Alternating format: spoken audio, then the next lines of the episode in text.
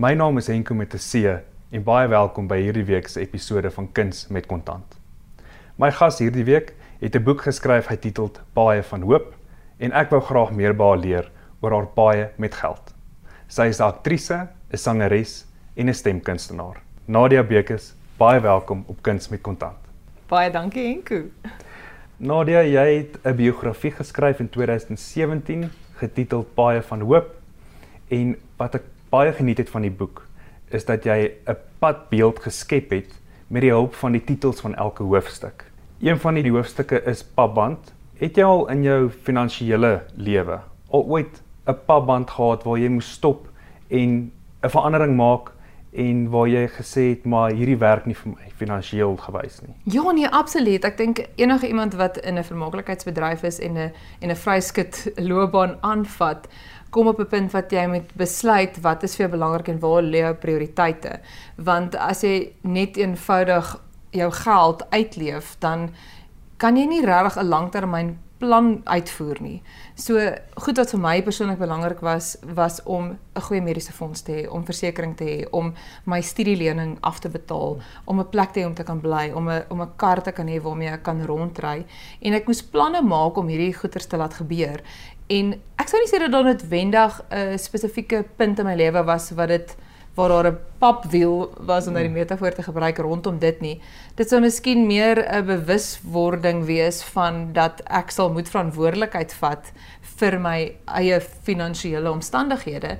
En daarvoor is ek baie dankbaar vir my ouers wat van kleins af vir ons goeie finansiële prinsipe uh, geleer het en om seker te maak jy jy spaar geld en jy begroot en jy is bewus van dit wat jy uitgee. Jy het ook die afgelope paar jaar 'n ma geword en van twee seentjies en ek onthou met met my en my vrou ook voordat ons ons dogtertjie gehad het.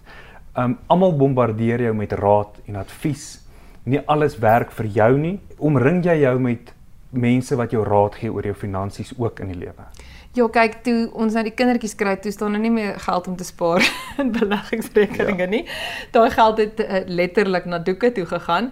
Ehm, um, maar dit is tog ook 'n belegging. Dit is vir my wonderlik om om te kan iets gee vir my kinders en iets vir hulle te kan bied. Ek dis altyd so snaaks as ek ry om vir myself te gaan klere koop en ek stap uit die winkel uit met nog 'n baby grow. uh want dit is vir my lekker. Dis geld waarvoor ek werk en dit is vir my lekker om om vir hulle iets te kan bied daardeur. Maar om jou vraag te beantwoord, ek is absolute voorstander daarvan om mense wat kenners is soos jy te konsulteer minstens oor wat om te doen en hoe om jou finansies goed te bestuur.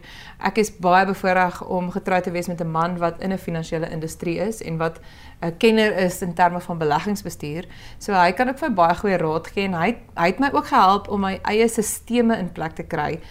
Ek het 'n agent wat my help met ehm um, fakture wat uitgestuur word ensovoorts. So dis nog 'n persoon waarmee ek my omring en wat byvoorbeeld in gesprek sal wees met mense rondom fooie wat dit wat moeilik is as jy vir jouself werk om te bepaal wat jou waarde werklik is en ek moes my omring met mense wat meer daarvan weet as ek soos my man, soos my agent, soos finansiële bestuurders, uh, makelaars ensovoorts. Daar is my gaping in die mark vir alles dit kom by finansiële instellings. Hulle is baie geneig om nie vir 'n vryskutwerker 'n lening toe te staan nie want hulle sien dit as 'n baie groot risiko.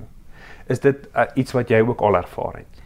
Ek het dit ervaar in my lewe toe ek huurder wou oorskuif na 'n huiseienaar toe en ek genoeg geld gehad het om 'n deposito op 'n woonstel neer te sit en toe 'n bank genader het vir 'n lening en hulle vir my gesê het dit is nie vir hulle moontlik om vir my lening te gee nie want ek het nie 'n vaste inkomste nie. Maar teen daai tyd het ek al vir so 'n geruime tyd huur betaal wat op daardie stadium meer was as wat die terugbetaling op die lening sou wees. Mm. En ek kon nie verstaan hoekom hulle my nie kon help nie, maar wat hulle vir my verduidelik het is dat daar nie 'n plek vir my spesifieke raamwerk is binne hulle stelsel nie.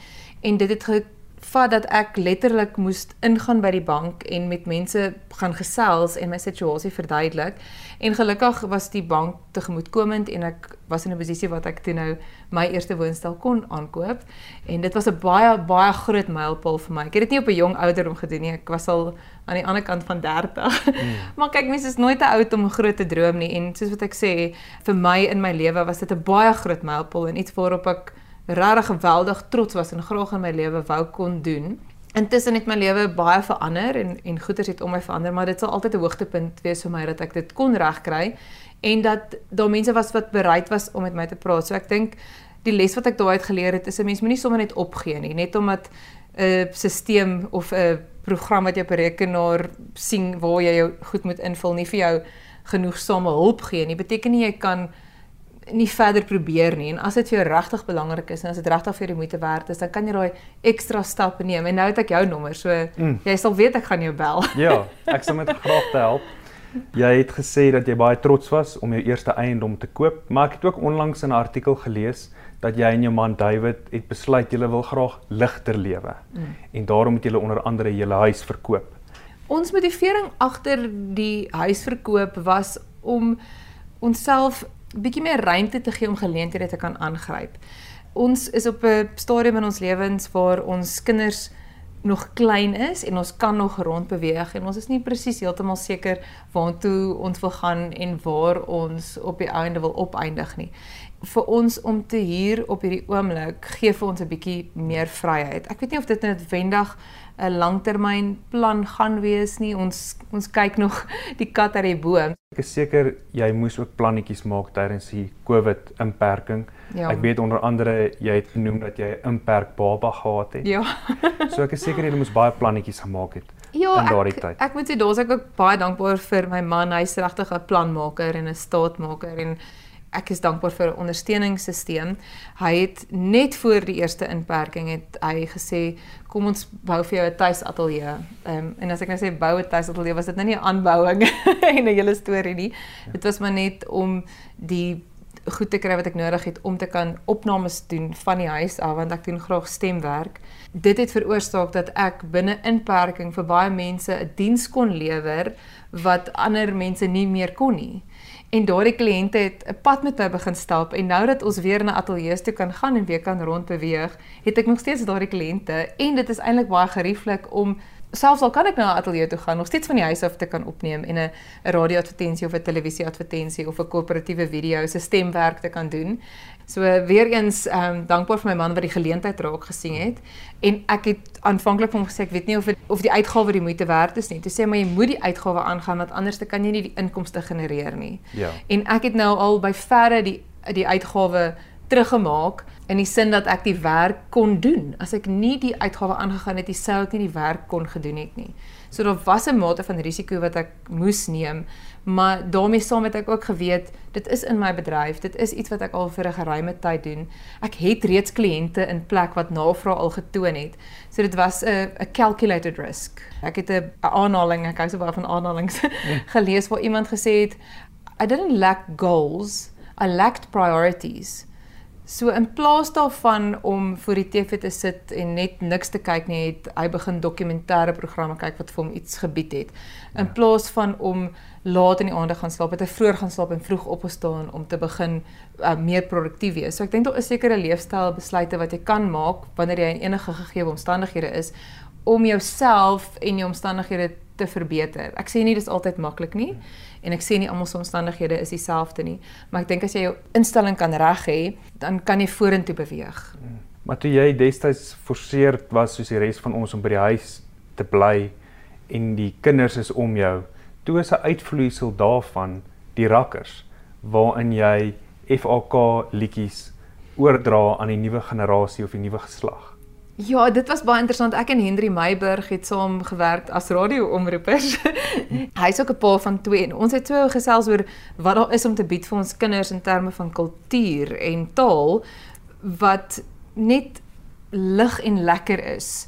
Wat nie kom met allerlei politieke assosiasies en so voorts nie. Wat net net ietsie lekkers is wat ons as 'n herkoms kan oordra aan hulle en ons het gesukkel om materiaal op digitale platforms te kry. En omdat ek baie by die huis was met die kinders, het ek het ek materiaal nodig gehad om hulle hulle mee besig te hou. Ehm um, Davey en Joshua is is woelig. Ek gaan nie vir jou jok nie. En ek ek seker hulle ken al die woorde van die liedjies en hulle sing die ja, ore ja, van jou pop af by die huis. Ja, kan dit nou hoor want toe het ons in samewerking met ehm um, die Afriforum Theater, die FAK en afrikaans.com die geleentheid gekry om 'n keerspel aan mekaar te sit en ons het dit opgeneem en ons het dit digitaal vrygestel. Ehm um, daar sal ook 'n 'n musiekvideo vrygestel word en hopelik kan ons hierdie projek verder vat. Ek het ook 'n tipe van 'n inherente verantwoordelikheid gevoel in terme van waar ek is in die seisoen om iets te doen. Hoe pas jy jou kennis in bemarking toe op die bedryf wat jou nader as 'n beïnvloeder van produkte en so meer wat hulle graag wil bemark. In Engels verwys hulle na 'n influencer. Dis altyd my verskeie groot kompliment as iemand wil hê ek moet hulle produk bemark of daarmee geassosieer word, want dit voel vir my hulle hou van dit wat ek doen en en dit waarvoor ek staan en hulle assosieer daarmee. Maar ek moet ook versigtig wees om te kyk dat dit produkte is wat werklik met my resoneer en wat ek werklik kan gebruik sodat ek die waarheid kan praat wanneer ek dit met mense deel.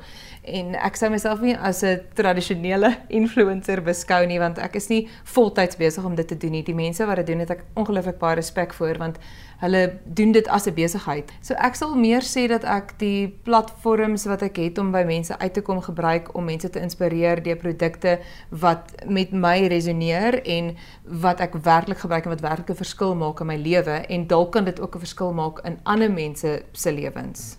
Ek weet jou twee seentjies is nog baie klein, maar is daar sekere geldbeginsels wat jy en David nou al begin vas lê? Absoluut. Dit is vir my so belangrik om goeie geldbeginsels van kleins af vir my kinders te leer. Ons het vir hulle bankrekeninge oopgemaak en hulle spaar hulle geldjies. Baie keer met 'n verjaarsdag is daar 'n geleentheid wat iemand sê hulle sal vir hulle geldjie wil gee, ons spaar daai geldjie. En en ek sou hoop dat ietsie van dit sal posvat by hulle en dat dit 'n beginsel sou wees waarmee hulle vorentoe gaan net 'n vinnige staaltjie. Um, hulle het 'n geskenkbewys as persent gekry vir Kersfees en toe kan hulle nou na die winkel toe gaan om die geskenkbewys uit te gee. En natuurlik stap hulle na die grootste mm. grootste geskenk in die winkel en toe om hulle te verduidelik, hierdie geskenkbewys het net 'n sekere waarde en die geskenk wat jy kan kry wat volgens hierdie waarde is is op hierdie rak. So jy kan hier uitkies. Jy kan nog nie tensy hierdie geskenkbewys so bære tot jy nog een kry en dan kan jy die groter geskenk kry. Maar hulle het nie wou nie wag vir die groter geskenk nie. So hulle het dit hulle het nou hulle geldjie uitgegee. Dit was mooi om te sien. Mense dink hulle is klein, maar mense is nooit te jonk of te oud om te leer nie. En hulle is baie slimmer as wat 'n mens dink. Dis waar. Hulle dink ook so. Nadia baie dankie dat jy by ons gekuier het op Kuns met Kontant. Ek wens jou net die beste toe op jou baie vorentoe. Baie dankie. Enko.